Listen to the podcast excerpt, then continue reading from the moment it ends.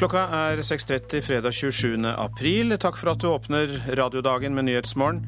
I studio i dag Øystein Heggen med disse overskriftene.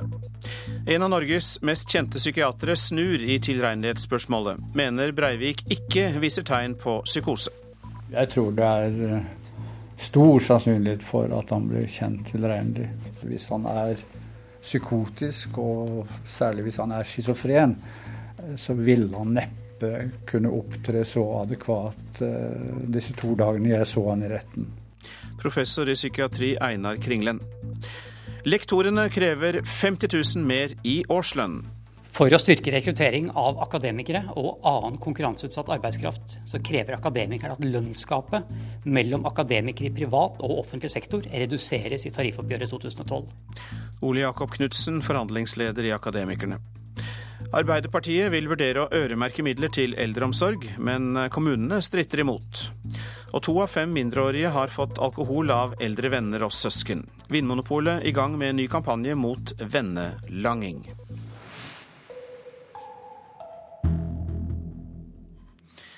Professor i psykiatri Einar Kringlen har forandret mening om Anders Behring Breiviks tilregnelighet. Så seint som i januar uttalte Kringlen at det ikke var tvil om at Breivik var psykotisk. I et intervju med avisa Dag og Tid går det nå fram at Kringlen, etter å ha sett tiltalte i retten, gjør helomvending. Det var ikke noe tegn til psykose. Tvert imot så kunne han være ironisk avslappet og etter mitt syn også fleksibel. Og de gangene han protesterte mot uh, dommerens spørsmål, så syns jeg ofte det var fornuftig protest. Det var ikke noe sånn spesielt. Som en av Norges best kjente psykiatere ble det lagt merke til da Einar Kringlen uttalte seg etter at den første sakkyndigrapporten ble lagt frem i november i fjor. Det legges fram konklusjonen til det rettspsykiatrisk sakkyndighetsrapport om Anders Behring Breivik. Mitt inntrykk den gang da jeg leste den, var jo at han hadde vært psykotisk på gjerningsøyeblikket. Kringlen er internasjonalt anerkjent. Han har skrevet flere bøker, bl.a. en som har vært pensum i psykiatri i 40 år. Den erfarne professoren kan ikke huske at han tidligere har endra ståsted så totalt i tilregnelighetsspørsmålet. For nå, sier han. Jeg tror det er eh, stor sannsynlighet for at han blir kjent tilregnelig. Du er ikke redd for at, uh, at du lar deg forlede av at han gjør nå alt for å bli kjent tilregnelig? Muligheten er der, men den er svært liten, syns jeg. fordi at uh, all min erfaring fra psykiatri tilsier det at hvis han er psykotisk, og særlig hvis han er schizofren, så vil han neppe kunne opptre så adekvat uh, disse to dagene jeg så han i retten. Han mener de første sakkyndige tok for lite hensyn til den politiske biten. Nei, Den ideologiske delen her er jo viktig. Altså det overordnede mål. Den politiske målsetting er veldig sentral her. Og han trekker en uhyggelig parallell. Og slik kan man si at det har likheter med jødeforfølgelsen i Tyskland. Den overordnede idé var jo at jødene skulle utryddes. Og det blir veldig vanskelig å tenke seg at alle som var med på dette, var uh, sprø eller psykotiske eller, eller, eller, eller psykopater. Ja, han er jo selvsagt et spesielt tilfelle i og med han har operert alene osv. Men eh, ellers er det veldig store likheter med slike ting som har foregått før. Professor i psykiatri Einar Kringlen til reporter Eva Marie Strand. Lektorene krever 50 000 kroner mer i lønn. I dag leveres kravet til kommunenes organisasjon KS. Lektorer har i dag en startlønn i overkant av 400 000 kroner. En som står bak kravet er ingeniør og mattelektor Kristoffer Nygaard på Asker videregående skole. Jeg syns det er kjempegivende å jobbe med mennesker og få lov til å være med og forme ungdommen. Det er sånne som han mange vil ha ingeniør og mattelektor Kristoffer Nygaard ved Asker videregående skole. Solid utdannet, med stor kunnskap som skal bringes videre til fremtidens skattebetalere. Men lønna er det så som så med. Ja, jeg syns det er i underkant av hva man kan forvente med den utdannelsen jeg har. i hvert fall. For å redusere gapet så krever vi 50 000 kroner til våre lektorer i kommunesektoren. Det er frontfaget, lønnsoppgjøret for de private bedriftene, som danner malen for kravet om 50 000 kroner mer til lektorene i staten, mener Ole Jakob Knutsen. Han er forhandlingsleder i Akademikerne kommune. Dette vil også være et viktig bidrag til å redusere lønnsforskjellene mellom kvinner og menn. Resultatet i frontfaget tilsier at akademikerne i privat sektor får rundt 35 000 kroner mer i år. Derfor vil han ha mye mer enn dette til sine etterspurte lektorer. Jeg tror det er lett å få forståelse for kravet. Useriøst, mener Per Christian Sundnes i arbeidsgiverorganisasjonen KS på tekstmelding til NRK. Han er likevel ikke uenig i at langtidsutdannede bør få en lønnsvekst, og det gjør akademikerleder Knutsen til optimist. KS ser at det er behov for å rekruttere lektorer. Det er veldig mange eldre lektorer i dag. Og for å sørge for at man skal få en god undervisning og et godt tilbud til elevene, så er man nødt til å prioritere denne gruppen nå. Og Innslaget det var laget av Kent Amar Eriksen og Hedvig Bjørgum. Arbeiderpartiet vil vurdere å gjøre det enklere å tvinge kommunene til å bruke penger på eldreomsorg. Kommunene stritter imot. NRK fortalte i går at kommunene vegrer seg for å bygge sykehjem fordi driften er dyr. Arbeiderpartiets kommunalpolitiske talsperson Ingalill Olsen vurderer å øremerke midler til drift. Hvis kommunene sjøl mener at her er det viktig å vurdere øremerking, ja, da er vi også Vi lytter til det. Ingalill Olsen er Arbeiderpartiets kommunalpolitiske talskvinne. Det er ikke hver dag hun nærmest sier et fyord på radio. Øremerking at staten styrer hva kommunene skal bruke pengene på, er Arbeiderpartiet ofte mot, men Olsen kan snu når det gjelder sykehjemsdrift, fordi hun ikke er fornøyd med byggetempoet. Nei, det er vi ikke. Vårt mål er at vi skal ha 12 000 plasser til 2015, eh, eh, og det er klart at vi må intensivere dette arbeidet. Mandag fortalte NRK at regjeringen har nær 750 millioner kroner til bygging av sykehjem stående ubrukt på konto. Pengene er der, men kommunene tør ikke bygge nye sykehjemmer. Fordi driften ikke dekkes. Men Helge Eide i KS vraker forslaget om øremerking. Det tror vi ikke er noen eh, god løsning i det hele tatt. Kommunenes interesseorganisasjon vil fortsatt at kommunene skal ha frie midler de kan bestemme over selv. En øremerking kommer ikke det mer penger ut av. Man bare flytter det innenfor samme rammen fra statens side. Altså man, man tar penger fra andre deler som man eh, mener er veldig viktig, f.eks. barnevern, eller f.eks. skole eller barnehage. Det er definitivt en helhetsvurdering av å nå målet, for det er det viktigste. Reporter her Lars Nehru Sand. Et beslektet tema det er tilbudet til demenspasienter. Helseministeren ber kommunene bygge ut tilbudet.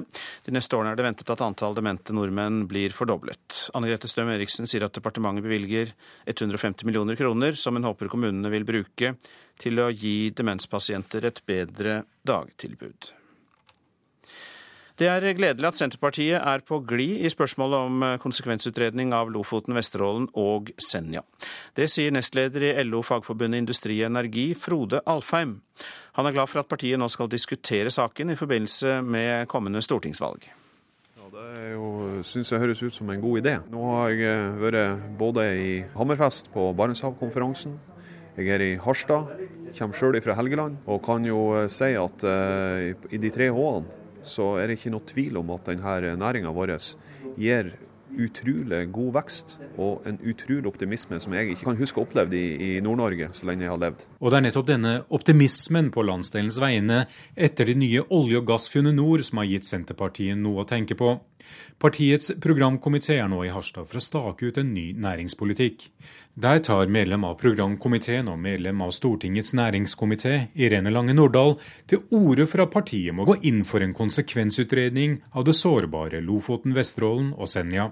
Det er forventninger om at det skal skje mer, og da er tilgang på areal et viktig område. Troms Senterparti sitt årsmøte har fattet vedtak om at vi ønsker en konsekvensutredning. Og vi håper jo på at landsmøtet og Senterpartiet skal fatte en sånn eh, beslutning og en åpning for en konsekvensutredning også i det nye programmet. Arbeiderpartiets partiveteran Bendix Harald Arnesen har i mange år sittet på Stortinget og venta på at regjeringskollega Senterpartiet skulle skifte mening. Jo, jeg syns det er veldig bra, og jeg har egentlig bare venta på det. For stadig flere innser det at dette gir landsdelen så mye aktivitet og tilstrømming at alle ser det nå at vi må iallfall utrede og se dette, på de mulighetene som er. Reporter var Lars Nehru Sand. Så skal vi eh, se hva avisene skriver. 'Sammen skal vi leve' er førstesideoppslagene både i Aftenposten og Dagsavisen. 40 000 mennesker sang mot terroristen sammen med Lillebjørn Nilsen i Oslo. Den norske måten å håndtere terrorrettssaken på bør være modell for resten av verden, sier den tyske forskeren Ines Geipel til Dagsavisen. For meg som legmann fremstår han i det store hele som en av oss, en som er ansvarlig tilregnelig nok til å bli dømt, skriver Klassekampens kommentator Tom Egil Verven om Anders Behring Breivik på avisens forside. Ta av nisselua, skriver Vårt Lands kommentator Olav Egil Aune, som vil ha 22. juli-minnesmerke foran Domkirken i Oslo, ikke på Nisseberget i Slottsparken. Det var her hele Norge samlet seg i sorg, redsel og i gråt, skriver Aune. Herøya Arbeiderforening kan tjene 50 millioner kroner på å bygge 100 nye hytter på Bjørkøya i Porsgrunn, skriver Dagens Næringsliv. 10 millioner av fortjenesten skal brukes til å skaffe oppsagte rekkearbeidere nye jobber på Herøya. Økt kriminalitet langs Bybanen, skriver Bergens Tidende om i dag. Både narkotika- og vinningsforbrytelser har økt siden åpningen av banen for snart to år siden. Lovbruddene sentraliseres langs traseen, forteller politiet. De har fått nok av oljebyen, skriver Stavanger Aftenblad, som intervjuer et ektepar som flytter til Haugesund fordi de har fått eh, materialismen i Stavanger opp i halsen. Kjøretest for eldre kan bli obligatorisk, leser vi i VG. Nå er det 10 000 demente i trafikken. Nettstedet finn.no tar alt, leser vi i Finansavisen. I fjor ble det solgt varer og tjenester til en verdi av til sammen 540 milliarder kroner på Finn. 80 år gamle Thorvald Stoltenberg er portrettert i Dagbladet. Stoltenberg sier også at han aldri skammet seg over datteren Ninni, som slet med heroinavhengighet. Den nye kopien av Osebergskipet pryder forsiden av Nasjonen. Bare noen øksekast fra byliv og asfalt i Tønsberg ligger en byggeplass som tar oss flere hundre år tilbake i tid, skriver avisa. 20.6 skal skipet være ferdig. Vil ha Erik Hem, lyder overskriften i Bergensavisen. Brann har vært i dialog med Erik Huseklepp om retur til sommeren. Huseklepp spiller nå for Birmingham, på utlån fra Portsmouth.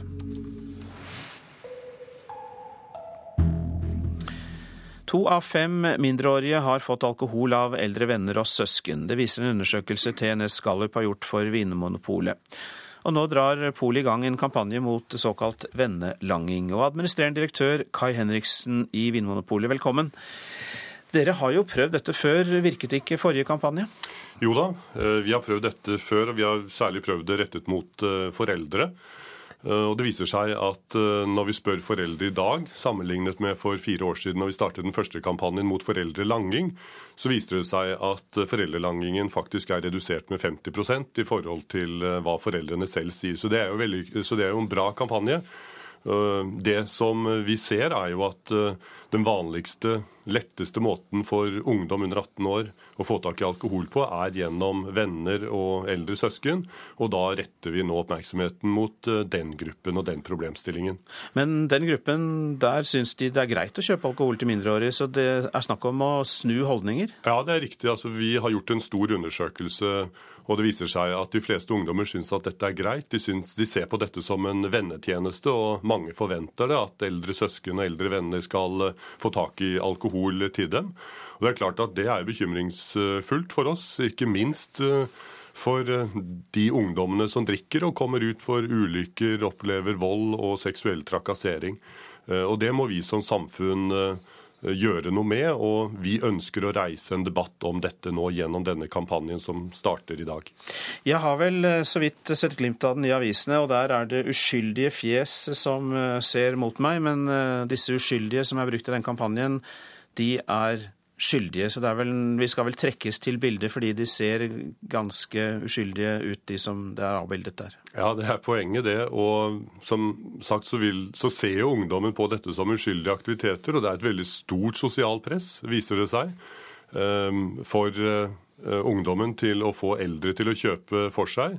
Nå går vi inn i en eh, periode med mye ungdomfesting. Vi har russetiden. Vi vet at eh, mange mindreårige er med på russefeiringen i ulike sammenhenger. Så vi syns det er viktig nå å rette søkelys på dette. Og vi mener det er veldig viktig at foreldrene tar opp disse problemstillingene overfor sine barn, slik at man greier å redusere vennelangingen. Det er det som er målet med denne kampanjen.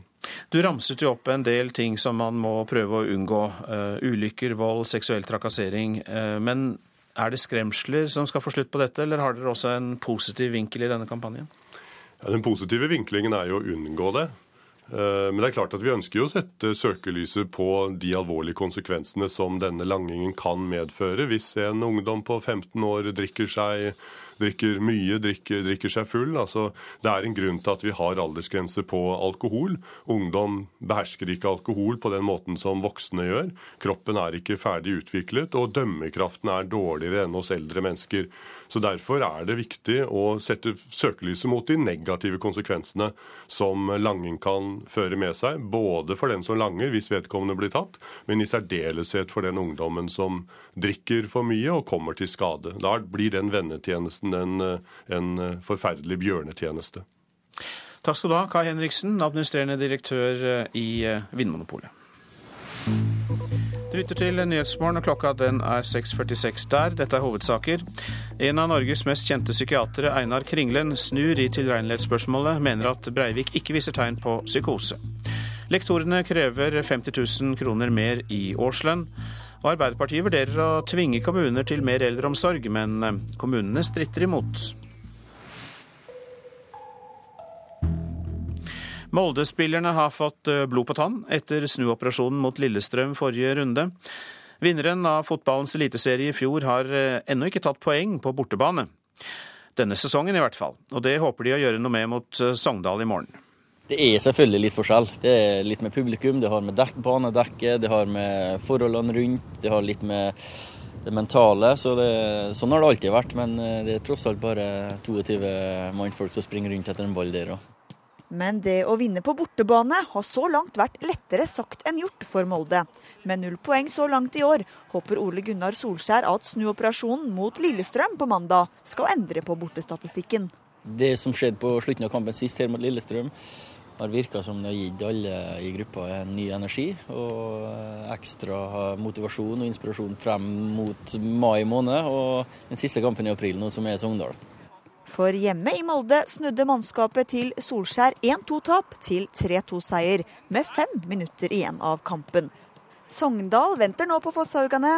De ligger på fjerdeplass på tabellen med ni poeng, like mange som Molde, etter fem spilte kamper. Det er nye muligheter, selvfølgelig. Vi har hatt to veldig vanskelige bortekamper. Solskjær tror heller ikke kampen mot Sogndal blir enkel.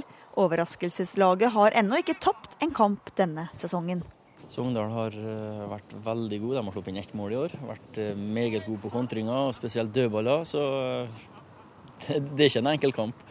Vi tapte i fjor, og vi vet at vi må kjempe og krige, og, men nå allikevel prøve å spille oss sin fotball. Sa Ole Gunnar Solskjær, reporter Ingrid Sørli Glomnes. Klimaforskerne får ikke pengene de ble lovet av politikerne. Onsdag kom regjeringens klimamelding, som bl.a. skal følge opp klimaforliket fra 2008.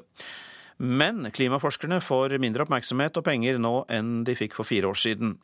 Å satse mindre på klimaforskning, det er et sjansespill, mener Carlo Aall ved Vestlandsforskning.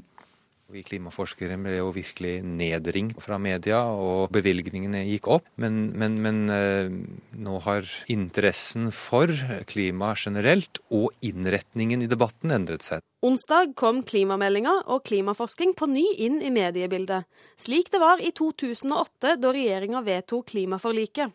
Men siden har ikke Forskningsrådet opplevd noen økning i midler fra statsbudsjettet.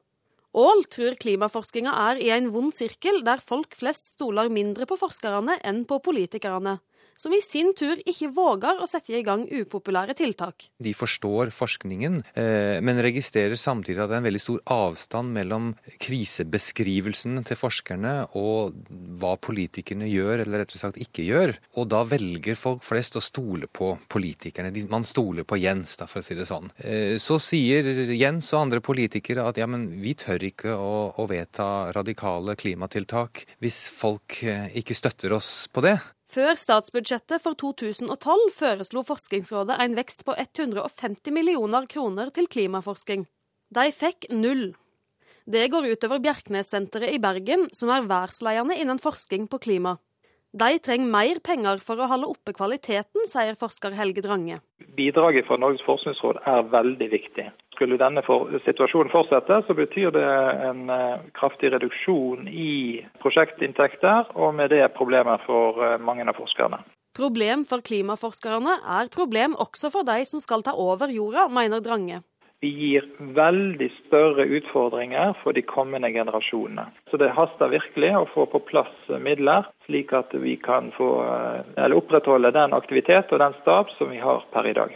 Audun Garberg er politisk rådgiver i Miljøverndepartementet, og ser at Forskningsrådet har trukket det korteste strået i kampen for å bli prioritert. Forskningsrådet har jo hatt et ønske om en sterkere økning på det her feltet enn det man har fått. Sånn at eh, ja, det kan jo godt si det er en prioriteringssak. Men med den nye klimameldinga kan det være håp for Bjerknessenteret, som driver såkalt grunnleggende klimaforsking. Klimameldinga slår jo fast at vi skal fortsette opptrappinga av eh, forskninga og styrke den grunnleggende klimaforskninga. Og så eh, blir det nok sikkert mange runder med eh, hvordan og hvor mye i forbindelse med budsjettene i årene fremover. Reporter her Ingunn Rauk. Fremskrittspartiet vil kutte i statsstøtten til bygdetun og bygdemuseer. Det vil styrke den lokale tilhørigheten og la kommunene ta over finansieringen, mener partiet, og de får støtte fra en ny rapport.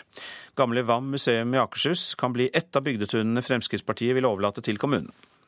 Nå går vi inn i den gamle svalgangsbygningen fra tidlig 1700-tall. Den gamle storgården Vam på Romerike har vært museum i nærmere 100 år. Tom Gøran Bauer har ledet museet en tredjedel av denne tiden. Etter museumsreformen er han nå et av 19 museer som til sammen utgjør Akershus-museet. På samme måte har små museer over hele landet blitt slått sammen til større enheter de siste ti årene. Nå mener Fremskrittspartiet det har gått for langt, og vil gi kommunene mer ansvar. Vi ser jo at midlene smøres utover eh, alle museer, og det går utover noen. Og at eh, bygdemuseene får sine. Og da har jeg kommet med et forslag om at vi bør i hvert fall vurdere, eller bedt statsråden vurdere, om at vi skal føre bygdetunet tilbake til kommunene og få flere frivillige, sånn som det var tidligere, til å engasjere seg. Og det er mange frivillige der ute som har lyst på å engasjere seg i dette her. Kulturpolitisk talsmann Ib Thomsen i Frp støtter seg til en rapport fra konsulentselskapet Price Waterhouse Coopers om virkningen av museumsreformen i Møre og Romsdal. Det er fagbladet Museumsnytt som presenterer rapporten i siste nummer. Museene som er undersøkt får til sammen 25 millioner kroner over statsbudsjettet.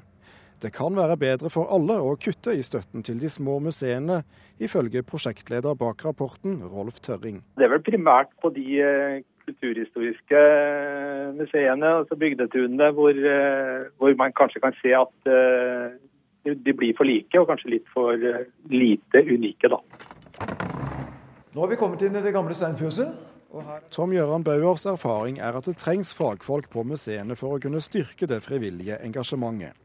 Han frykter det vil sende gale signaler dersom staten skal begynne å trekke støtten til bygdetunene. Hvis kommunene ser at nå trekker det offentlige seg ut og ikke er villig til å finansiere de små bygdetunene, så tror jeg i mange tilfeller at de heller ikke vil være med på dette. Ja, det var eh, historien om eh, bygdetunene, og reporter her var Thomas eh, Alvarstein Ove. Den norske investoren Petter Olsen selger sitt Edvard Munch-bilde på auksjon hos Sotheby's i New York onsdag neste uke. Om Skrik går for en, pris, eh, for en høy pris, så kan det bidra til at Munch-bilder blir mer populære å investere i, og skaper ringvirkninger i markedet, tror kunsthandlere. Det er jo veldig mye malerier som står hulter til bulter her. Ja, vi har akkurat avsluttet inntaket til kommende auksjon i mai. Og da står alt eh, langs veggene og er fotografert. Auksjonarius og daglig leder Hans Rikard Elgheim manøvrerer rundt alle de vakre landskapsmaleriene som står og ligger på gulvet hos Grev Wedels plass auksjoner i Oslo. Og så har du en god gammel klassiker her, 'Gude'. Han selger også bilder av Edvard Munch. Men aldri den prisklassen Pastellens skrik er ventet å komme opp i på auksjon i New York neste uke. Prisantydningen er rundt 450 millioner kroner. Men det er ventet at bildet kan slå rekorden for det dyreste bildet som er solgt noensinne, på om lag 600 millioner. Salget kan skape bølger i kunstmarkedet, tror Elgheim.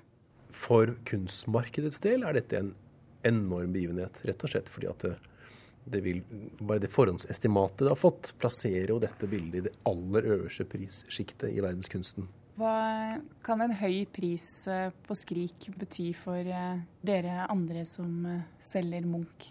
Altså, Kunstmarkedet er drevet av mye av psykologi, som alle markeder er. Slik at en, en, suksess for å si det slik, for selger, altså en sensasjonell pris her, det er en positiv stimulans. Altså For det første så fastslås det at det må jo være et fantastisk kunstmarked når en sånn pris kan oppnås. Så jeg tror på en, en, en økt interesse for Munch etter dette salget. Den status som Munch har hatt som museumsmann, eller som museumsutstiller, har jo vært uomtvistelig de senere år. Uh, men nå vil vi også få i markedssammenheng få en bekreftelse på den viktige posisjonen man har, både i kunsthistorien, men også i markedssammenheng. Det sier Morten Sontag, faglig ansvarlig hos kunsthandler Kåre Berntsen. Også han tror salget av Skrik vil gjøre Munch til et mer populært investeringsobjekt. Det er det grunn til å tro, og som grafiker er han jo allerede veldig, pris, veldig høyt verdsatt. Men vi opplever at med maleriene har det vært blandede resultater, men vi er helt overbevist om at en høy pris nå vil det også påvirke markedet for maleriene fremover. Mange er ikke klar over at fire andre Munch-bilder også selges på auksjonen hos Sotheby's onsdag. Natt i St. Claude, Kvinne som speiler seg, sommernatt og klestørk i Åsgårdstrand'. Prisen de får avhenger av hvor mye Skrik går for, tror Elgheim. Jeg er temmelig overbevist om en slags smitteeffekt. Jeg tror at, at går det riktig bra for Skrik, så vil det smitte over på de andre Munch-maleriene på samme auksjon. Det er ikke mange som har råd til å kjøpe Skrik. Elgheim regner med at Sotheby's får tak i en håndfull potensielle kjøpere. Men det er ingen garanti for at bildet blir solgt. Tenk om det ikke blir solgt. Hva, hva, hva, gjør vi da? Hva sier vi da? Hva gjør vi da? Reporter Ida Kvittingen. Og Har man ikke råd til et gammelt maleri, så kan man kjøpe en brukt bil. Men nå advarer Norges Automobilforbund mot å kjøpe bruktbil fra Tyskland. En undersøkelse søsterorganisasjonen der har gjort, viser at det er svindel med kilometerstanden på hver tredje tyske bruktbil, skriver Dagbladet. Bob Dylan blir hedret med USAs høyeste sivile utmerkelse, presidentens frihetsmedalje, opplyser Det hvite hus. I begrunnelsen eh, vises det til at eh, Dylan har hatt betydelig påvirkning på borgerrettsbevegelsen i USA på 1960-tallet. Tolv andre framtredende personligheter får også frihetsmedaljen. Blant dem er forfatteren Tony Morrison, som vant nobelprisen i litteratur i 1993, astronauten John Glenn, tidligere utenriksminister Madeleine Albright og Israels president Shimon Peres.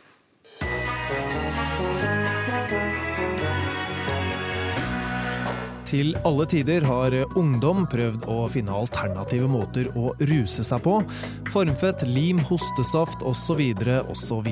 Nå har amerikanske ungdommer lagt antibac til på denne lista, men hvor farlig er egentlig dette? Vi ser nærmere på husholdningsrus i Radioselskapet på P2 klokka 11.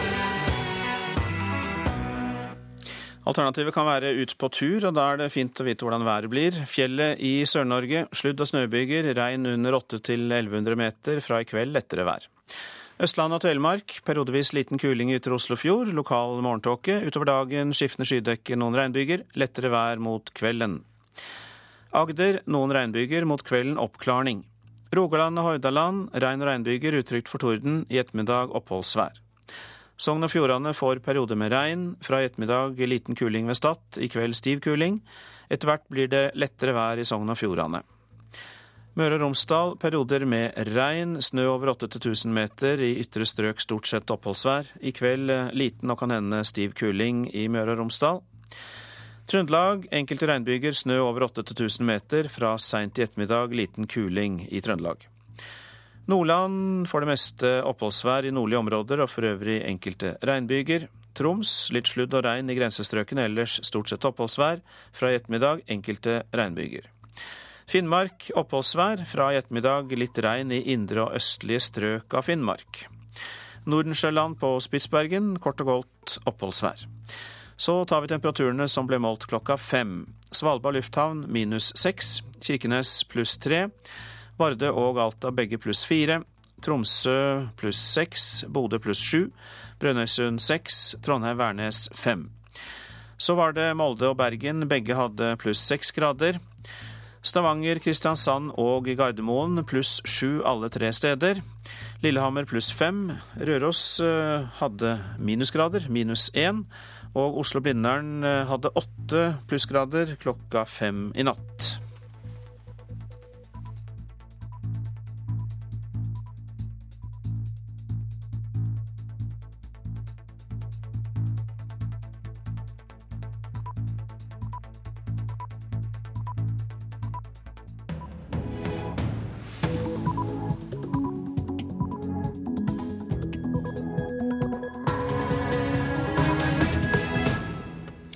Klokka er sju nå, fredag 27. Eh, april. Dette er Nyhetsmorgen. Her er Øystein Heggen i studio med en nyhetsoppdatering.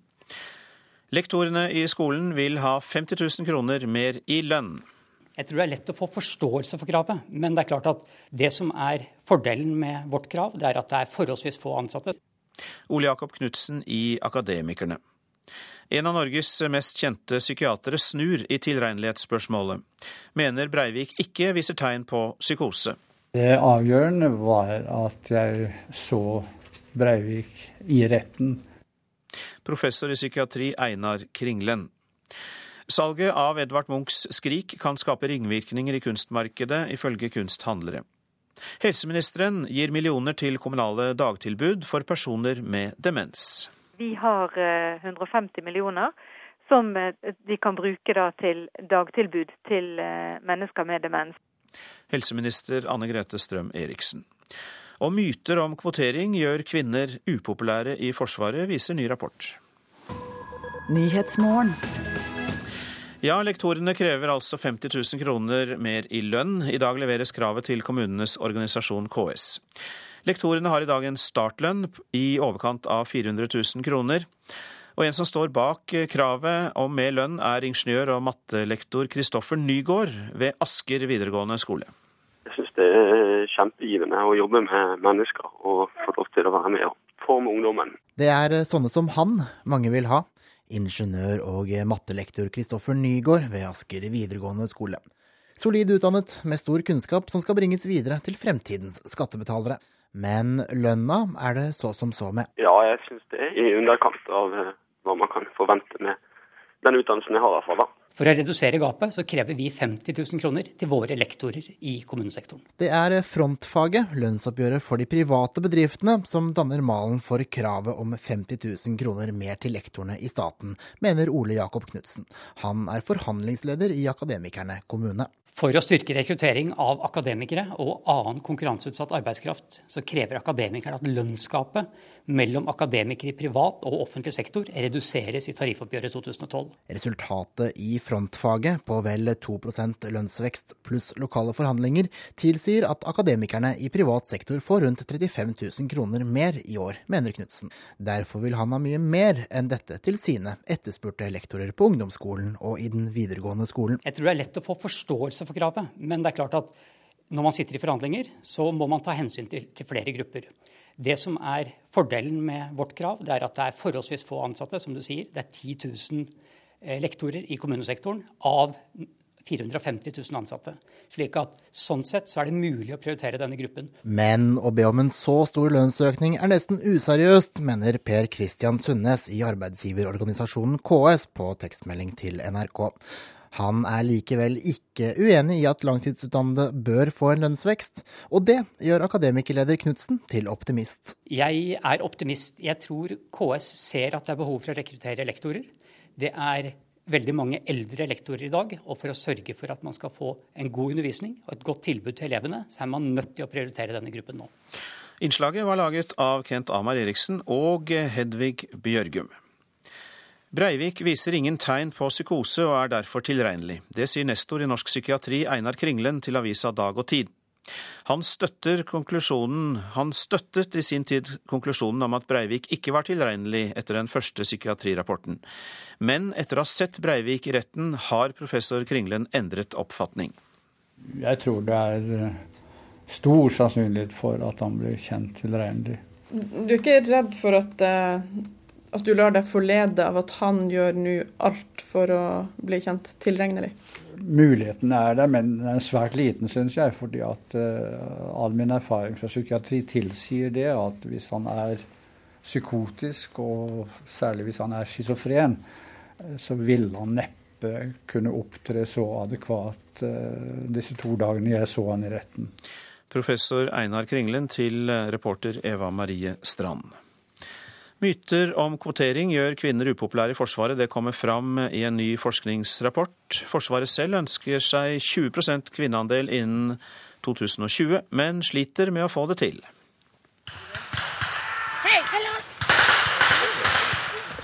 Blant elevene på befalsskolene er det nå 20% kvinner.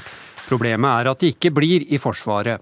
For selv om kvinnene der har klart harde fysiske krav for å komme inn, får de fort høre at de er svakere enn menn, sier løytnant Anita Ellingsen, som leder Nettverk for kvinnelig befal. Dersom en jente f.eks. ikke klarer å mestre akkurat likt fysisk med tanke på å bære tungt, så kan det være at guttene tar en kjapp eh, avgjørelse på at eh, de jentene som ikke klarer det, de passer ikke inn. Og da vil vi miste dem. Det har lenge vært et politisk mål å få flere kvinner i Forsvaret, uten at det har lykkes. Forsvarsdepartementet har nå bedt Østlandsforskning vurdere hvorfor andelen fortsatt ligger på under 10% Forsker Trude Eide sier det ser ut som om mange kvinner møter motstand, fordi de mannlige kollegene tror kjønnskvoteringa er mer omfattende enn den virkelig er. Ute i organisasjonen så snakker de jo om dette som en radikal kvotering. Altså at kvinner kommer inn uansett hva kvalifikasjoner de har da.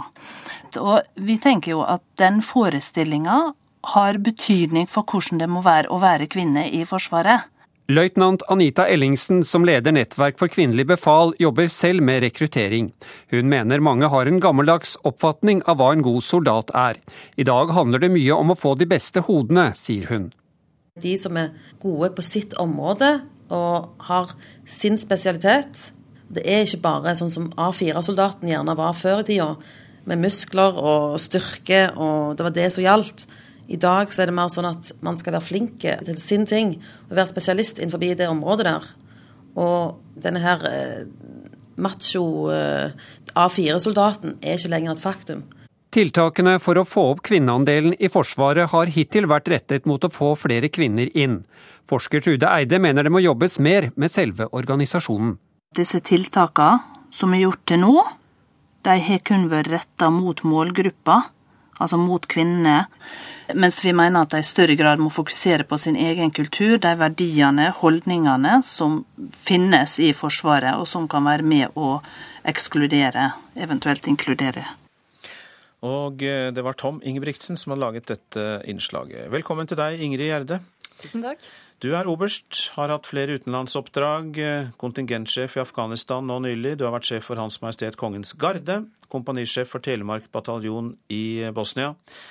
Det er en pen merittliste. Så har du opplevd negative ting knyttet til å være kvinne i Forsvaret?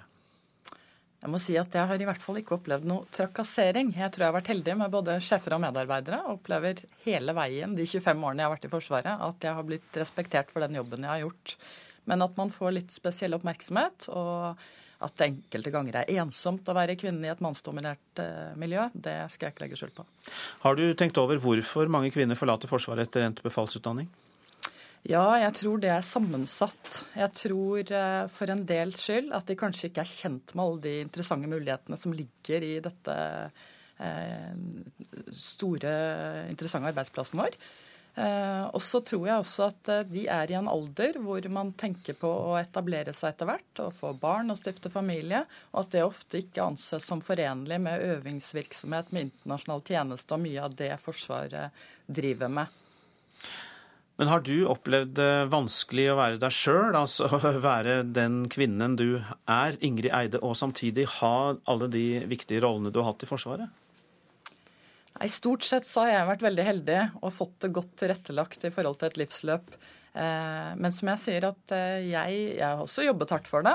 Men, eh, men, jeg har nok vært heldig i forhold til enkelte av de kvinnelige kollegene. Og så tror jeg mange andre har vært heldige og, og vil si det samme. At, at, vi har en kjempespennende, interessant arbeidsplass som vi fryktelig gjerne vil at ungjenter unge jenter uh, skal se og ønske å jobbe i.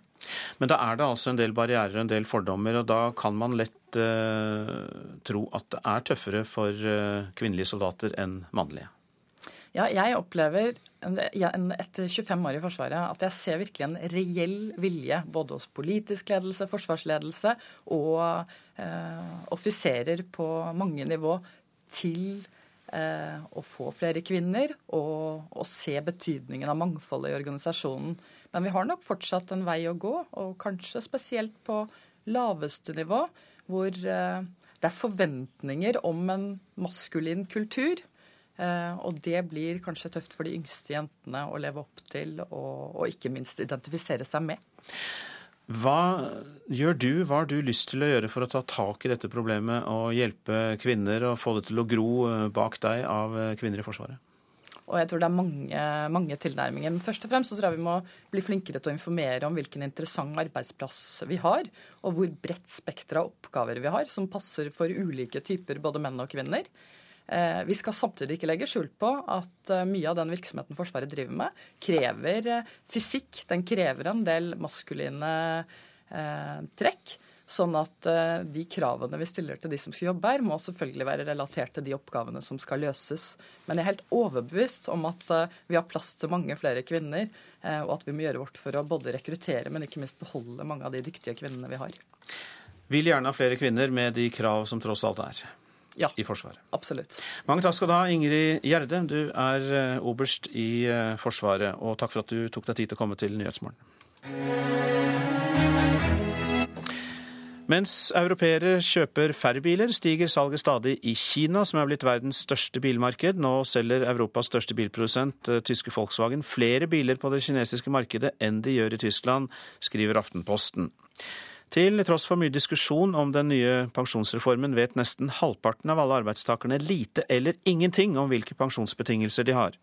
Det viser en undersøkelse som Arbeidsforskningsinstituttet har gjort for YS. Det er Dagens Næringsliv som skriver dette. Kvinner som ikke er organisert, vet minst av alt hva de kommer til å få i pensjon. Og Finansforbundet er blitt eh, enig med Finansnæringens arbeidsgiverforening i lønnsforhandlingene. Avtalen innebærer at 27 500 ansatte i finanssektoren får et eh, generelt tillegg på 1,85% Helseminister Anne Grete Strøm Eriksen ber kommunene bygge ut tilbudet til demenspasienter. De neste årene er det ventet at antallet eldre med tap av mental kapasitet blir fordoblet. Strøm Eriksen sier departementet legger 150 millioner kroner på bordet, som hun håper kommunene vil bruke til å gi demenspasienter et bedre dagtilbud. I disse dager så går vi ut med en oppfordring til alle landets kommuner om at de må søke penger. Eh, vi har 150 eh, millioner som eh, de kan bruke til dagtilbud til mennesker med demens. Det er i dag ca. 72 000 demente i Norge. I går hørte vi at tallet trolig vil doble seg fra 2020 og i tiårene etter. Fagfolk mener det økende antallet vil gi kommunene store utfordringer. For fire år siden oppsøkte Willy Haldorsen og kona hans legen for første gang. I dag er kona 65 år og bor på sykehjem. Haldorsen opplevde den første tida etter at kona ble dement, som vanskelig og ensom. Jeg måtte jo bare prøve å gjøre det beste ut av det, for jeg, jeg visste jo ikke noe om demensforeninga på Fauske. Så, så, i første tida så ble det jo, jeg ble jo mye alene om det. Nå ønsker Helse- og omsorgsdepartementet å gi 5000 personer med demens en bedre hverdag gjennom dagtilbud. Strøm Eriksen sier at et slikt tilbud er viktig både for demente og for familiene deres. Veldig mange bor hjemme. Eh, de trenger å få eh, aktivitet og innhold i hverdagen sin, og også trenger også pårørende å få avlastning. Så Derfor er det særdeles viktig at kommunene eh, får på plass dagtilbud. Reporter her Katrine Humberseth. Du lytter til eh, Nyhetsmorgen, og nå går klokka mot 7.14. Eh, Vi har disse overskriftene. En av Norges mest kjente psykiatere snur i tilregnelighetsspørsmålet, mener Breivik ikke viser tegn på psykose. Lektorene krever 50 000 kroner mer i lønn. I dag leveres kravet til kommunenes organisasjon KS. To av fem mindreårige har fått alkohol av eldre venner og av søsken. Vinmonopolet er i gang med en ny kampanje mot vennelanging. Tolv medlemmer av den tidligere Al Qaida-leder Osama bin Ladens familie ble i natt sendt fra Pakistan til Saudi-Arabia. Bin Laden ble jo selv drept i et amerikansk eh, angrep spesialstyrker 2. mai i fjor, men etterlot seg tre koner, barn og barnebarn i et hus like ved en pakistansk militærbase. Utenriksmedarbeider Morten Jentoft, hva vet du mer om denne transporten ut av Pakistan i natt? Ja, De tre konene, åtte barna og ett barnebarn de har jo de siste månedene vært holdt i en slags eh, husarrest i den pakistanske hovedstaden Islamabad. En av enkene har også sonet en dom på 45 dagers fengsel for ulovlig opphold i Pakistan. Da denne dommen var sonet ferdig i forrige uke, eh, så var det frem og tilbake med formaliteter, men altså klokken 11 i går kveld eh, norsk tid så forlot flyet med familien Islamabad med kurs for Saudi-Arabia. og Dermed så er jo pakistanske myndigheter kvitt det som mange har sett på som en politisk hodepine. Hva venter dem der i Saudi-Arabia? Ja, Osama bin Laden kom jo selv fra en rik saudi-arabisk familie, en familie som også har røtter i Jemen. og Det er ventet at deler av familien kan bli sendt til Jemen, bl.a. Amal Abfulfata, som mange mener var hans favoritthustru, ehm, eh, sammen med hennes fem barn som hun har født siden 2000.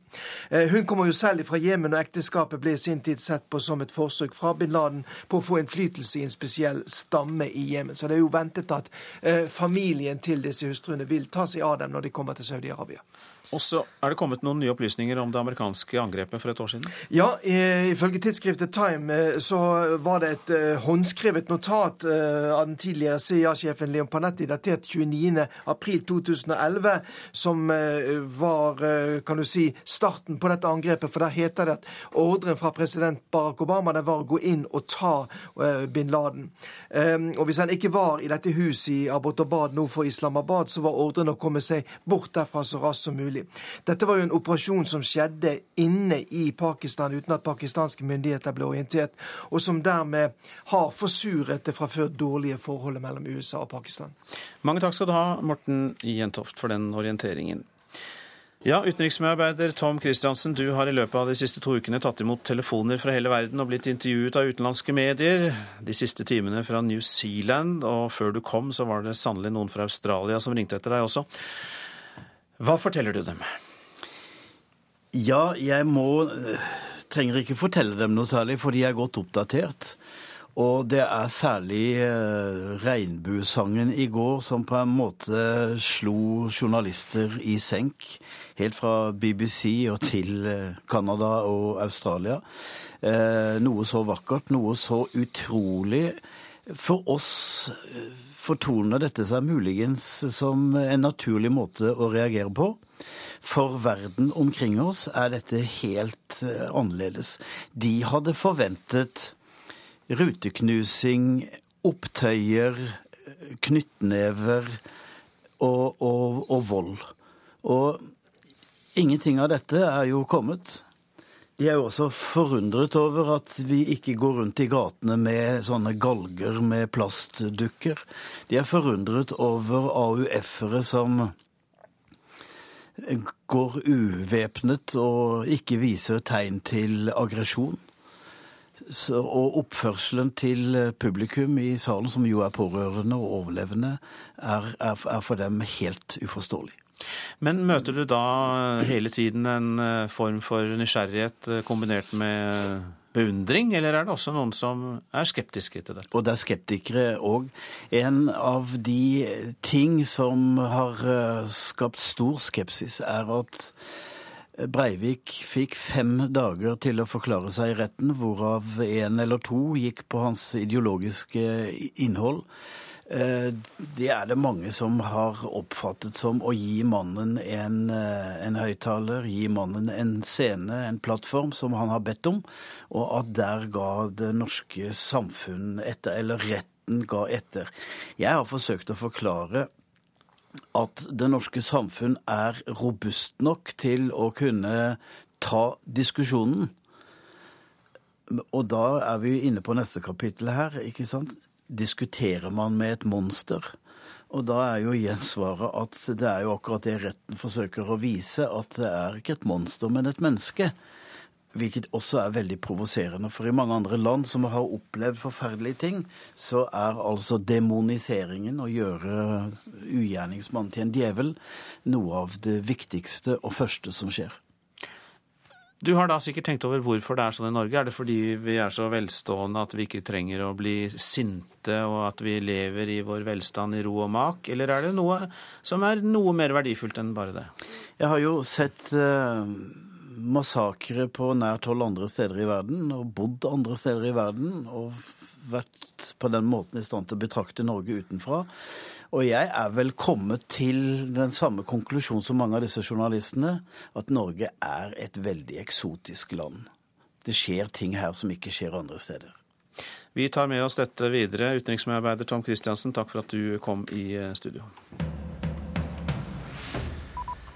Syria etterlever ikke fredsplanen, det sier FNs generalsekretær Ban Ki-moon. Ban slår fast at regimet i Syria ikke har trukket styrkene ut av byene, og at det fortsatt er tunge våpen og militært personell i tettbefolkede områder. Ban Ki-moon krever at president Bashar al-Assad straks lever opp til sine forpliktelser, i tråd med den fredsplanen han selv har sagt ja til. Både EU og Europarådet er bekymret for situasjonen til den fengslede ukrainske opposisjonslederen Julia Timosjenko. EU oppfordrer ukrainske myndigheter til å la EUs ambassadør i Ukraina besøke Timosjenko i fengselet sammen med en uavhengig medisinsk person. Tidligere har EU gjort det klart at en frihandelsavtale med Ukraina ikke vil bli ratifisert før landet løslater sine politiske fanger. Timosjenko ble dømt til sju års fengsel i fjor høst, og hun er altså tidligere statsminister. En domstol i Kairo har avvist en sak mot Egypts mest kjente komiker Adel Imam. Imam risikerer tre måneders fengsel for å ha fornærmet islam i sine filmer og opptredener. Den 71-årige skuespilleren risikerer fortsatt å bli dømt til fengsel i en lignende sak, selv om den, vi, den siste saken ble avvist av retten. Så noen ord om avisenes eh, forsider. 'Sammen skal vi leve' er eh, førstesideoverskriften både i Aftenposten og Dagsavisen. 40 000 mennesker sang mot terroristen sammen med Lillebjørn Nilsen i Oslo. Den norske måten å håndtere terrorsaken på bør være modell for resten av verden, sier den tyske forskeren Ines Geipel til Dagsavisen. For meg som legmann fremstår han i det store hele som en av oss, en som er ansvarlig, tilregnelig nok til å bli dømt, skriver Klassekampens kommentator Tom Egil Verven om Anders Behring Breivik på avisens forside. Ta av nisselua, skriver Vårt Lands kommentator Olav Egil Aune, som vil ha 22. juli-minnesmerket foran Domkirken i Oslo, og ikke på Nisseberget i Slottsparken. Det var eh, ved Domkirken Norge samlet seg i redsel, i sorg og i gråt, skriver Aune. Herøya arbeiderforening kan tjene 50 millioner kroner på å bygge 100 nye hytter på Bjerke, Bjørkøya i Porsgrunn, skriver Dagens Næringsliv. 10 millioner av fortjenesten skal brukes til å skaffe oppsagte rekkarbeidere nye jobber på Herøya. Økt kriminalitet langs Bybanen leser vi i Bergens Tidende. Både narkotika- og vinningsforbrytelser har økt siden åpningen av banen for snart to år siden. Lovbruddene sentraliseres langs banetraseen, forteller politiet. De har fått nok av oljebyen, leser vi i Stavanger Aftenblad, som intervjuer et ektepar som flytter til Haugesund fordi de har fått nok materialisme i Stavanger. Kjøretest for eldre kan bli obligatorisk, skriver VG. Nå er det 10 000 demente ute i trafikken. Nettstedet finn.no tar alt, skriver Finansavisen. I fjor ble det solgt varer og tjenester til en verdi av til sammen 540 milliarder kroner på Finn. 80 år gamle Thorvald Stoltenberg er portrettert i Dagbladet. Stoltenberg sier at han aldri skammet seg over datteren Ninni, som slet med heroinavhengighet. Den eh, nye kopien av Osebergskipet pryder forsiden av Nasjonen. Bare noen øksekast fra byliv og asfalt i Tønsberg ligger en byggeplass som tar oss flere hundre år tilbake i tid. 20. juni skal skipet være ferdig. Vil ha Erik Hem, lyder overskriften i Bergensavisen. Brann har vært i dialog med Erik Huseklepp om retur til sommeren. Huseklepp spiller nå for Birmingham på utlån fra Portsmouth.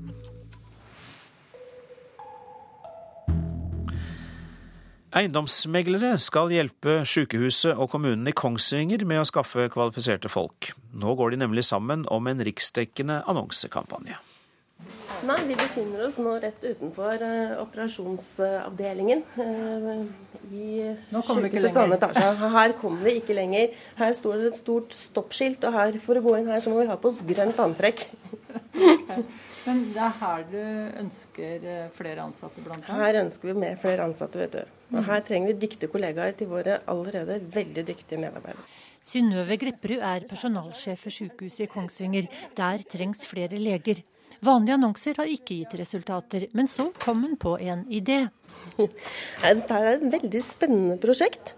Ehm, sykehuset har jo hatt lyst ut stillinger som overlege på anestesi uten å få noen søkere. Eh, og det er vi avhengig av å få på sikt. Og så tenkte jeg at som nyansatt på sykehuset, hva gjør vi nå? Og så tenkte jeg kommunen trenger innbyggere, vi trenger eh, ansatte. Kanskje vi kunne gjøre noe sammen. Siden jeg selv har flytta hit og oppdaga hvor billig det var å bo, så tenkte jeg at også eiendomsmeglere kunne være interessert i å være med på en sånn kampanje. For det er billig å bo, det er arbeidsplasser, og det er kort vei fra Oslo. Nå er sykehuset i Kongsvinger, kommunen og eiendomsmegleren i byen ute med helsides annonser i flere riksdekkende medier. En kirurg er avbilda med barnet sitt i en sele på magen i operasjonssalen. Teksten lyder 'Ikke alle kan ta med seg barna på jobben'. Og dermed legges flere feite agn ut barnehageplass i løpet av 14 dager, rimelige boliger, mange interessante stillinger. Spleiselaget er ikke billig, men det lønner seg, tror Synnøve Grepperud. Det koster veldig mye å annonsere tradisjonelt òg. Der har vi ikke fått noe respons. Så da måtte vi tenke litt annerledes. Eh, og når vi også da får med samarbeidspartnere, så blir ikke kostnaden så stor. Det er i magasinet, Så der har du magasinet på lørdagen. Innbyggerrekrutterer Dag Arnesen i Kongsvinger kommune viser fram annonsen som skal få folk til å stoppe opp. Siden han ble ansatt i 2009, så har innbyggertallet økt med 200. Han jobber hektisk for å få enda flere innbyggere, bl.a. ved hjelp av sosiale medier. Så at du, at du, drar dette her sammen, det er at vi kan ha en ganske massiv fokus rundt dette her. Og det vil jo selvfølgelig også sykehuset da eh, nyte godt av. For vi veit jo alle ansette en person er jo en dyr prosess. Så, så tror jeg nok eh, summen som de bruker her, er, er riktig i forhold til den massive oppmerksomheten man får. da. Vi står jo ovenfor en viktig framtid nå i forhold til bevaring av sykehuset vårt. Så på den måten nå så er det viktig at vi står sammen og viser at både kommunen, sykehuset og andre aktører vil om dette her. For vi vil jo beholde sykehuset vårt. Reporter var Vera Wold. Klarer de nye makthaverne i Nord-Afrika å innfri forventningene som ble drevet fram av revolusjonene? Ja, det er tema her i Nyhetsmorgen etter Dagsnytt. Øremerking av midler til eldreomsorg, det er noe av det de skal snakke om i Politisk kvarter. Prosent for Nyhetsmorgen, Marit Selmer Nedre Lid. Her i studio, Øystein Heggen. Og nå ganske straks skal vi få Dagsnytt med Odd Christian Dale.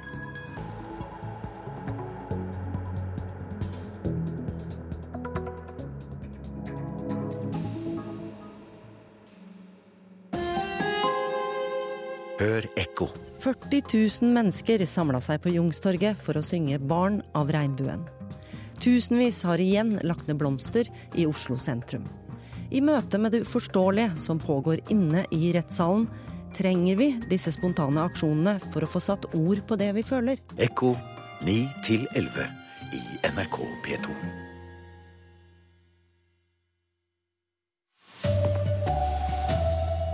Lektorene i skolen vil ha 50 000 mer i lønn i år. Anders Behring Breivik er tilregnelig, mener psykiater etter å ha skifta mening. Og regjeringa lover 150 millioner kroner til demente. God morgen, her er NRK Dagsnytt klokka er 7.30. Langtidsutdanna lærere krever 50 000 kroner mer i lønn i år. Lektorer har i dag en startlønn på litt over 400 000 kroner. I dag leverer de kravet til norske kommuner i KS, og en av de som står bak og dytter på, er ingeniør- og realfaglektor Kristoffer Nygård på Asker videregående skole.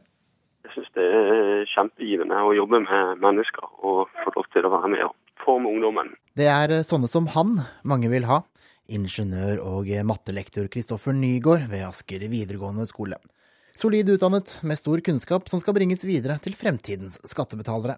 Men lønna er det så som så med. Ja, jeg syns det er i underkant av eh, hva man kan forvente med den utdannelsen jeg har. fall da. For å redusere gapet så krever vi 50 000 kroner til våre lektorer i kommunesektoren. Det er frontfaget, lønnsoppgjøret for de private bedriftene, som danner malen for kravet om 50 000 kroner mer til lektorene i staten, mener Ole Jakob Knutsen. Han er forhandlingsleder i Akademikerne kommune. For å styrke rekruttering av akademikere og annen konkurranseutsatt arbeidskraft, så krever akademikerne at lønnsgapet reduseres i tariffoppgjøret 2012. Resultatet i frontfaget, på vel 2% lønnsvekst, tilsier at akademikerne i privat sektor får rundt 35 000 kroner mer i år, mener Knutsen. Derfor vil han ha mye mer enn dette til sine etterspurte lektorer. Jeg tror det er lett å få forståelse for kravet. Useriøst, mener Per Christian Sundnes i arbeidsgiverorganisasjonen KS på tekstmelding til NRK. Han er likevel ikke uenig i at langtidsutdannede bør få en lønnsvekst, og det gjør akademikerleder Knutsen til optimist. KS ser at det er behov for å rekruttere lektorer. Det er veldig mange eldre lektorer i dag, og for å sørge for at man skal få en god undervisning og et godt tilbud til elevene, så er man nødt til å prioritere denne gruppen nå. Reportere var Kent Amar Eriksen og Hedvig Bjørgum. Psykiatriprofessor Einar Kringlen har gjort heilomvending og mener nå at Anders Behring Breivik er tilregnelig. Til avisa Dag og Tid sier han at etter å ha sett Breivik i retten, er han overbevist om at tiltalte ikke er psykotisk. For få måneder siden hadde Kringlen et ganske annet syn. Det legges fram konklusjonen til det rettspsykiatrisk sannsynlighetsrapport om Anders Behring Breivik. Mitt inntrykk den gang da jeg leste den, var jo at han hadde vært psykotisk på gjerningsøyeblikket. Etter at den første sakkyndigrapporten ble lagt frem 29.11. i fjor, støtta den anerkjente professoren konklusjonen utilregnelig. Kringlen er internasjonalt kjent og en nestor i norsk psykiatri. Han har bl.a. skrevet en lærebok som har vært på pensum i 40 år. Men nå har psykiateren sett tiltalte i retten. Og da fikk jeg et helt annet bilde av personen. Og Kringlen har gjort noe han ikke kan huske å ha gjort tidligere endra totalt syn i tilregnelighetsspørsmålet? Jeg tror det er eh, stor sannsynlighet for at han blir kjent tilregnelig. Du er ikke redd for at, eh, at du lar deg forlede av at han gjør nå alt for å bli kjent tilregnelig? Muligheten er der, men den er svært liten, syns jeg. Fordi at uh, all min erfaring fra psykiatri tilsier det at hvis han er psykotisk, og særlig hvis han er schizofren, så vil han neppe neppe kunne opptre så adekvat uh, disse to dagene jeg så han i retten. I et intervju med avisa Dag og Tid i dag utdyper han hva som fikk han til å forandre mening. Man kan vel si at kanskje han har en paranoid personlighet, at han er mistenksom og, og sånn. Men jeg føler at uh, der stanser det opp. Han går ikke over grensen til det psykotiske. Reporter Eva Marie Strand. Og Interessa for rettssaka mot Breivik er stor også i utlandet. Ikke minst allsangen og rosetoget i går har gått verden rundt. Og eh, Utenriksmedarbeider Tom Christiansen, du følger av utenlandske mediene. og Hva er utlendingene mest opptatt av å høre? Ja, De er jo veldig opptatt av tilregnelighetsspørsmålet og dramaet som ligger i dette. Fire psykiatere som sitter to meter fra Breivik og stirrer han i øyet fra ni om formiddagen til fire om ettermiddagen. To av dem mener han er gal, de to andre ikke. Dette er et drama som fenger. Det andre som eh, de er opptatt av, det er forunderligheten over at det ikke er noe vold i gatene. Ingen som går rundt med galger med plastdokker og slik slike ting, men altså synger sanger i gatene i stedet. Det er merkverdig, syns mange. Ja, Hvorfor er dette så merkverdig? Fordi det naturlige hadde vært å slå tilbake med vold. Det naturlige hadde vært å vise sinne. Og eh, AUF-ungdommens reaksjoner er kanskje det mest forbløffende. At de som unge politikere ikke viser noe aggressivitet mot Breivik. Takk skal du ha, Tom Kristiansen, for den orienteringa.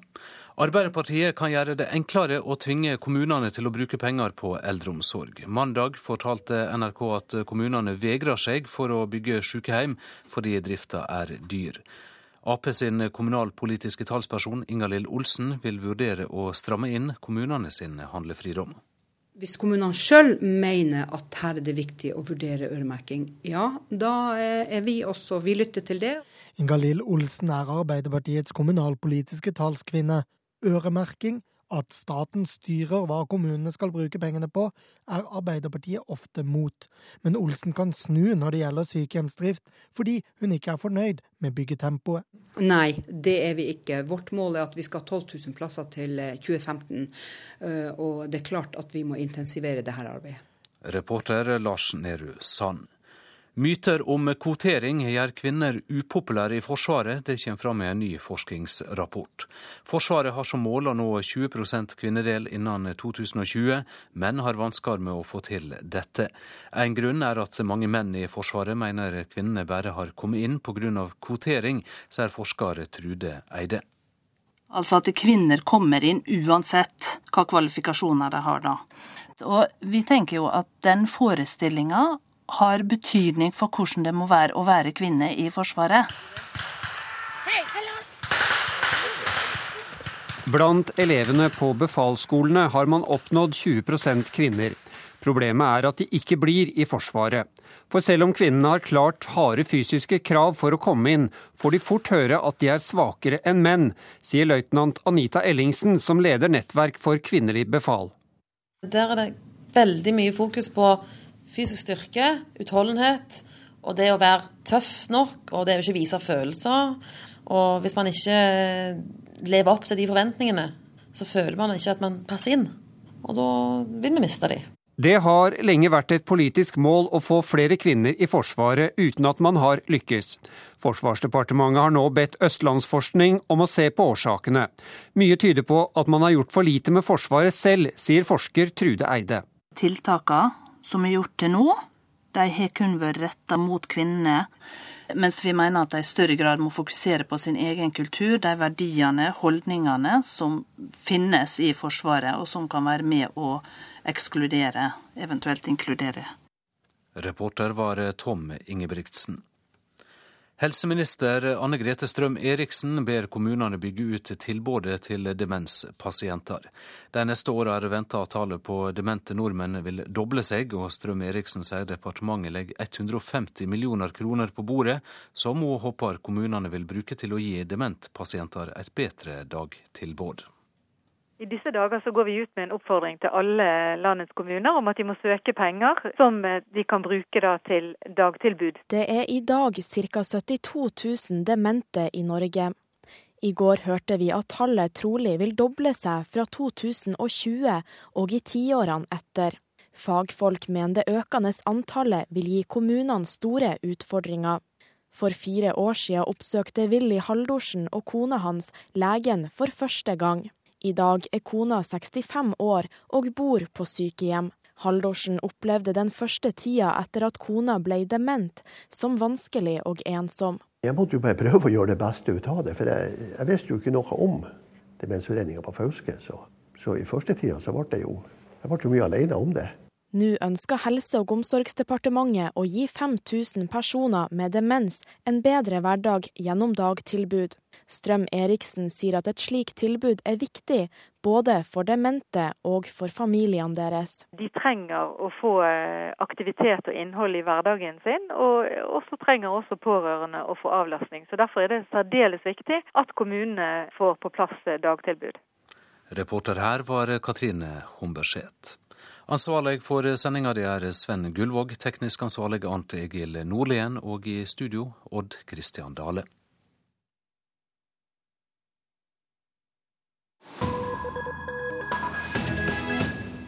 Dette er Nyhetsmorgen på NRK P2. De håpet på en ny tid og et bedre liv, aktivistene som drev fram revolusjonene i Nord-Afrika. Men klarer de nye makthaverne i Tunisia, Egypt og Libya å innfri forventningene nå? Det spør vår reporter Ragnhild Eikenes. Dette er lyden av den tunisiske revolusjonen. En ung grønnsakshandler hadde sett fyr på seg sjøl i protest mot vanskeligere levekår, og han setter fyr på en hel region. Slik lydde svaret fra Egypt. Tahrir-plassen er svart av folk. Revolusjonen kosta kring 800 mennesker livet, men de ble kvitt president Hosni Mubaraks langvarige regime.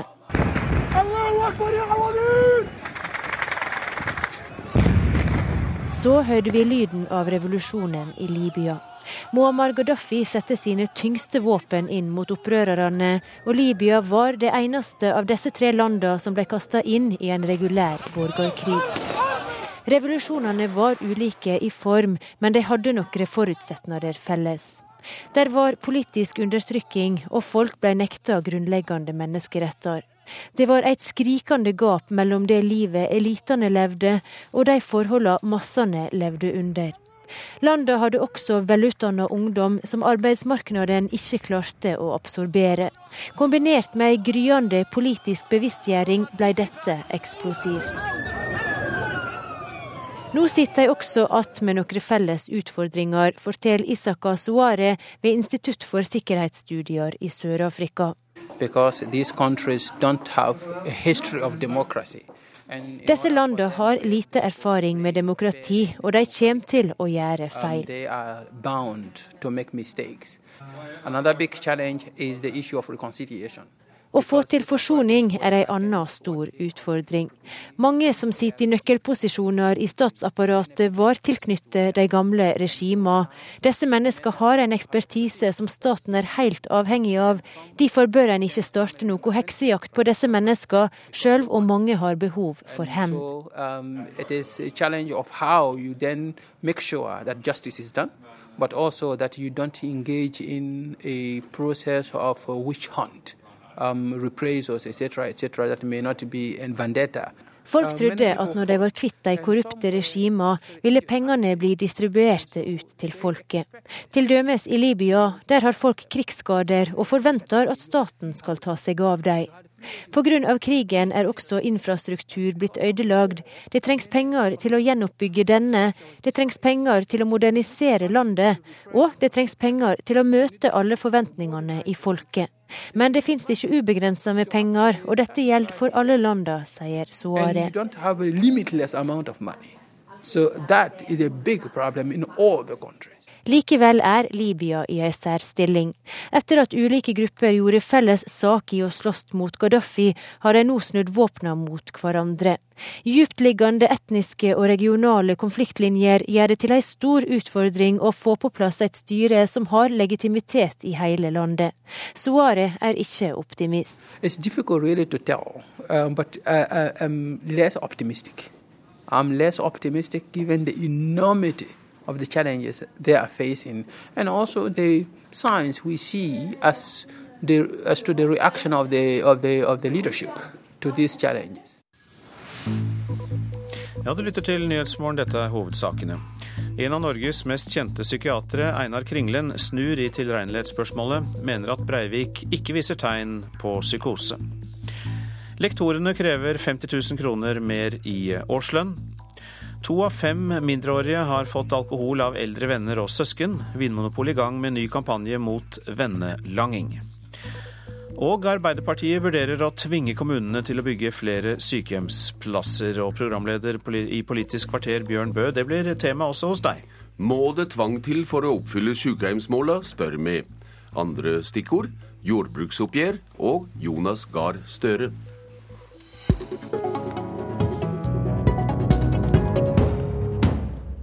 I Nyhende har vi hørt Arbeiderpartiets kommunalpolitiske talskvinne Inga-Lill Olsen vurdere øremerking av midler for å sikre at kommunene bygger flere sykehjemsplasser. Nå er du med oss på telefon fra Finnmark, Olsen. og Hvorfor kan det være lurt med tvang mot kommunene? For det første så er det viktig å si at Arbeiderpartiet er for rammefinansiering. Og vi har en historisk lav øremerking nå. Men vi ser òg at eh, takta på, eh, på bygging av sykehjemsplasser ikke er så rask som vi ønsker. Og eh, når kommunene sjøl tar opp at de ønsker øremerking, eh, så tenker vi at det må vi lytte på, det må vi høre på. Vi må høre på hva kommunene sier, og vi må ha dialog med KS. Så det her er mest et signal for å si at det her må vi vurdere skikkelig. Er det viktigste her å oppfylle selve tallet i Arbeiderpartiets lovnad om sykehjemsplasser? Det viktigste er at vi får eh, det antall sykehjemsplasser som, eh, som det er behov for rundt omkring i kommunene. Og Det er det selvfølgelig kommunene sjøl som er best til å vurdere. Det er dem som vet hvilke behov som er der ute. Så det er hovedmålet vårt. Det er at vi ønsker at uh, vårt velferdssamfunn skal bli enda bedre, og at det skal være en trygg og verdig alderdom uh, hvis folk har behov for hjelp fra kommunen. Talsmannen for Høyre, Michael Tetzschner, du har bl.a. tidligere styrt i Oslo. Hva sier du til øremerking av sykehjemsdrift? Jeg er jo stolt av Oslo. Vi har jo noen av landets beste sykehjemsdekninger, i tillegg til alle de andre til tilbudene til eldre også, som også må ses i sammenheng. Jeg er litt forundret over at kommuner kommer til Ingalill Inga Lill Olsen og spør om øremerking. fordi hvis de ønsker å prioritere sykehjem, så kan de gjøre det innenfor eh, regelverket som er i dag. Mm. Det som er avgjørende, som jeg må spørre Olsen om, det er kommer det friske penger? Fordi KS har jo um, tolket uttalelsen dit hen at man rett og slett bare båndlegger disse midlene innenfor dagens rammer, og så må man altså presse ut andre aktiviteter. Og hvis man gjør det, så overstyrer man det lokale selvstyret. En annen ting er at, eh, som jeg syns er et poeng også, uten å være for uh, opphengt i stortingsdokumentet, så behandler vi nå regjeringens prinsipielle holdning til uh, kommunene. Og den er ikke engang vært i salen til debatt. Vi jobber med den, Inga-Lill Olsen og jeg, i komiteen. Og der er det en utmerket opplisting om hvorfor øremerkede tilskudd ikke er bra. Det går utover eh, effektiviteten, det går utover evnen til å prioritere, og det fører til mer administrasjon både på stat og kommunehånd. Mm, Olsen, hva sier du til det? Ja, For det første så har jeg lyst til å svare ut at hvert eneste statsbudsjett kommer det friske penger. Og vi har som sagt en historisk lav øremerking. Men vi, også, vi ser også tilbake at vi f.eks. har fått eh, tilnærmet full barnehagedekning nettopp gjennom bruk av øremerka midler. Men hva skal det gå utover, slik eh, Tetzschner spør om? Nei, eh, kommunene må selvfølgelig disponere sine midler sjøl. Det er ulike situasjoner på kommuneøkonomien rundt omkring i, i de forskjellige kommuner. Men hvert eneste år har staten tilført friske midler. Og det er klart at eh, hvis drifta skal opp, så må også kommuneøkonomien styrke. Denne regjeringa har styrka kommuneøkonomien med enorme beløp. Mm. 2005, og kommer til å fortsette med det. Talsmann for Høyre fremdeles, Michael Tetzschner, avviser du at det er et problem at kommunene ikke nytter ledige midler til å bygge sykehjemmer fordi drifta blir for dyr for deg? Ja, Det er jo ikke investeringene som er, er, problemet. Jeg kan gi et eksempel. Hvis du investerer 100 millioner i et uh, konkret sykehjemsprosjekt, så vil det første driftsår påføre kommunen et uh, ansvar på driftssiden på 40 millioner kroner som de må finne eh, enten da eh, ved å omprioritere, skvise ut barnevernet for de kommunene som har det, eller, eller, nedlegge andre aktiviteter. Det andre er jo at kommunene også jobber med langt mer fleksible virkemidler i eldreomsorgen. Eh, jeg har sittet lenge i bystyret og vet jo hvor opptatt oss lokalpolitikere er av en god eldreomsorg, men de bruker sin lokale kunnskap til å skreddersy løsninger, til å drive utbedring av den enkeltes hjem, til å satse på forsterkede omsorgsboliger, til å sørge for hjemmehjelp, til å sørge for hjemmesykepleie, til å ha TT-tjenester. Og det er bare kommune, et kommunestyre som kan se disse tingene i sammenheng. Når staten da går inn og båndlegger midler, for det kommer ikke friske penger til disse øremerkingene. Det Ingar Lille Olsen sikter til, er at det er en generell prisvekst. Men, men eh, da, da, måtte regjeringen i så fall til evig tid forpliktet seg til at de også betaler drifts, driftsutgiftene etter at investeringen er gjort. Inga-Lill Olsen, det er kanskje rett at det kan være andre løsninger kommunene vurderer å satse på enn på å bygge sykehjemmer? Altså, Det er helt åpenbart at det er behov for flere sykehjemsplasser. Det, det tror jeg hever over enhver tvil, og det tror jeg vi er enige om uansett hvilket parti. Og For oss er det viktig å signalisere, for vi får følgende meldinger fra kommunene, at tilskuddet til sykehjemsplasser er bra, og så er de bekymra for drifta. Og KS er skeptisk? Ja. Ja, og KS er skeptisk. Og det, det, er også uhyre viktig, for vi vil ha dialog om det her. Men samtidig så handler det jo om det store bildet. Det handler om hvordan fungerer kommuneøkonomien? Og hvis Høyre sin modell, eh, som ønsker en omlegging av kommuneøkonomien med bl.a. skatteutjevning på en annen måte enn det er i dag, ja, så ville 85% av norske kommuner ville tapt på det.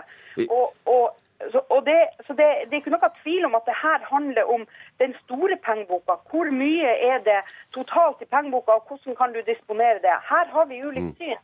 For vi er opptatt av at det skal være midler til eh, til eh, drift rundt omkring, og at det skal være likeverdige tjenestetilbud i hele landet. Og Da kan vi ikke bare kanalisere Forskjells-Norge til å bli enda større med at noen kommuner skal ha mye større tilgang på skatten.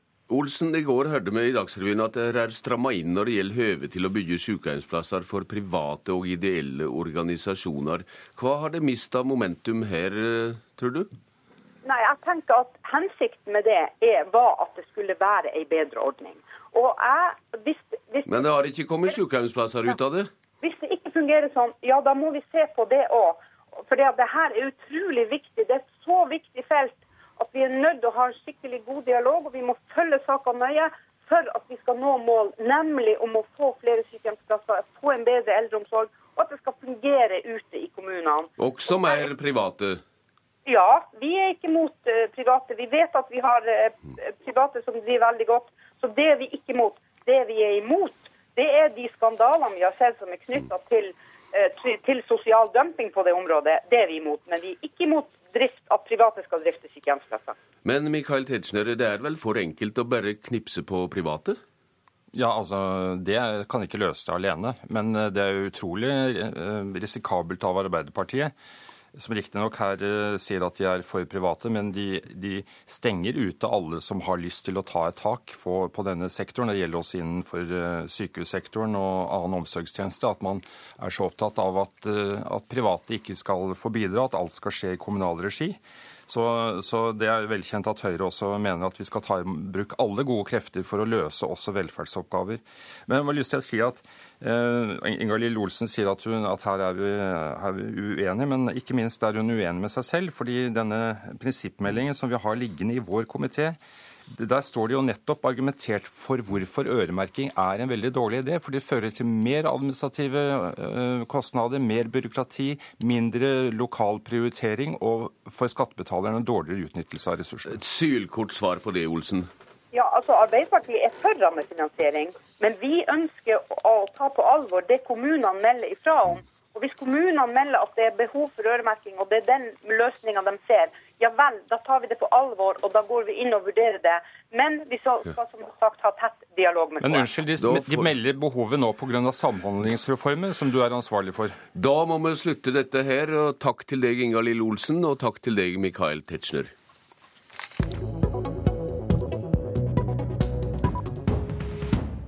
Den såkalla Støre-Tschudi-saka går videre. I Stortingets kontroll- og konstitusjonskomité er det irritasjon over utenriksminister Jonas Gahr Støre. I går sendte komiteen brev med krav om å få all dokumentasjon han vil presentere, i god tid før høringa med han 7. mai. Høyres Han varsler i Aftenposten at han vil legge frem dokumentasjon i høringen. Det, det vi da sier, er at nei, det er for sent. Alt skal legges frem på forhånd, alt uh, skriftlig materiale du har. Det er regelen for slike høringer.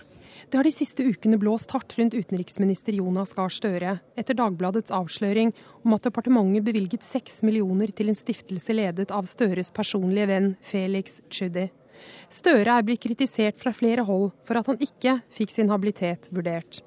Støre på sin side viser til at søknaden kom fra Norges Rederiforbund, og at Tschudi dermed ikke var den reelle søkeren. I ettertid er det kommet frem at Skyddi hadde møter med Utenriksdepartementet allerede før søknaden ble sendt fra Rederiforbundet. Pga. habilitetsspørsmålet i saken skal Stortingets kontroll- og konstitusjonskomité holde en egen høring om saken 7. mai. Onsdag denne uken gikk Støre ut i Aftenposten og uttalte at han vil legge ny dokumentasjon på bordet under høringen som viser at Rederiforbundet er den reelle søkeren. Det får ikke bare Høyre til å reagere. Det samme gjør KrFs Geir Bekkevold. Jo, jeg reagerer fordi at nå har komiteen bedt om å få alle opplysninger. Når vi nå leser at eh, det fortsatt finnes dokumentasjon, så tenker jeg i hvert fall at her må, her må Utenriksdepartementet slutte å lese, leke katt og mus med komiteen. Når vi ber om å få all dokumentasjon, så skal det sendes. Det er en samlet kontrollkomité som står bak brevet til utenriksministeren. Leder av komiteen, FrPs Anders Aanundsen, avdramatiserer brevet og sier det er en formalitet. Men også han legger stor vekt på at komiteen vil ha alle fakta på bordet i god tid før høringen. Han vil ikke svare på om han tror Støre kjenner til Stortingets reglement.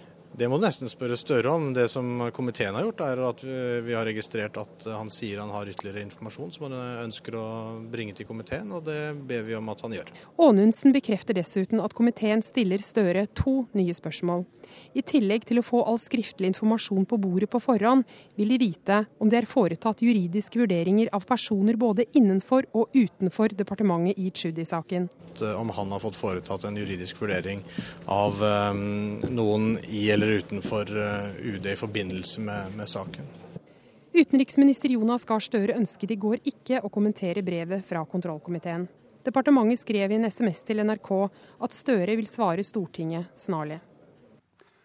Ja, jeg skulle her å informere om at først her i dette innslaget hørte vi Høyres Per Christian Foss, som mener at Støre ikke følger Stortingets spilleregler.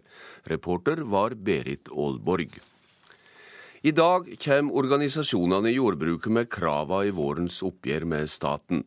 Etter at landbruksmeldinga ble klubba gjennom i Stortinget for stutt tid siden, har det kommet sterke krav om et monaleg inntektslyft. Nils Bjørke, du er leder i Norges Bondelag. Det kravde langt over to milliarder kroner i fjor. Er det bare pusleri mot det det krever i år? Eh, I år har vi lagt opp et krav som skal løfte inntektene til bøndene munnlig. Og Vi mener at vi er nødt til å dra inn på andre grupper i samfunnet hvis vi skal oppnå målet som er lagt i landbruksmeldingen. Og Hva tyder det i kroner og øre? Det må vi komme tilbake til når vi legger fram kravet til staten. Men eh, det, det må, skal vise tydelig for den norske bonden at og, eh, samfunnet vil satse på norsk matproduksjon, og at de skal få forbedring og bedre muligheter for økt matproduksjon. I eh, statistikken så går det fram at et årsverk i jordbruket hadde en inntektsøkning på 30 000 kroner fra i fjor og inn i år. Det er ikke bra nok, det altså? Nei, du er nødt til å ta med at vi faktisk hadde inntektsnedgang fra 10 til 11 Sånn at totalt sett så har vi faktisk tapt i forhold til andre grupper i disse to årene. Men nå har vi valgt å se på utvikling fra 2012, nå når landbruksmeldingen kom på plass. Og Da må vi virkelig få et luft, slik at vi får økt norsk matproduksjon framover. Det har varsla uår for jordbruket dersom det ikke får et monalig inntektslyft. Hva tyder det? Det tyder at slik som det er nå, så klarer ikke vi å øke matproduksjonen. Nå har regjeringen sagt tydelig og Stortinget at vi skal øke norsk matproduksjon framover. Og Da er vi nødt til å få klare signal. og Samfunnet er nødt til å vise at de vil satse på dette, slik at bøndene får ny optimisme, ungdommen vil satse, mm. og en kan investere i landbruket framover. Kravene blir presenterte av Bondelaget og Småbrukarlaget. Hva er mest krevende for dere internt i jordbruket å være samde om? Vi har hatt en god prosess nå. Vi har hatt uh, våre krav, og vi har samarbeidet godt og fått til et dokument som er svært godt tilpassa utfordringene i norsk landbruk framover. Og så skal de legge dette fram for eh, regjeringa, eller for Landbruksdepartementet, da, i dag. Og så er det tinginger. Og når får vi vite om det blir ei avtale i år? Nei, staten skal etter planen legge fram sitt tilbud til oss 7. mai. Og så uh, skal vi være ferdige før 17. mai. Da sier jeg takk til deg, Nils Bjørke, og god tur til møtet med staten i formiddag. Politisk kvarter er slutt. Jeg heter Bjørn Bø. Men program to holder fram både i dag og seinere i veka.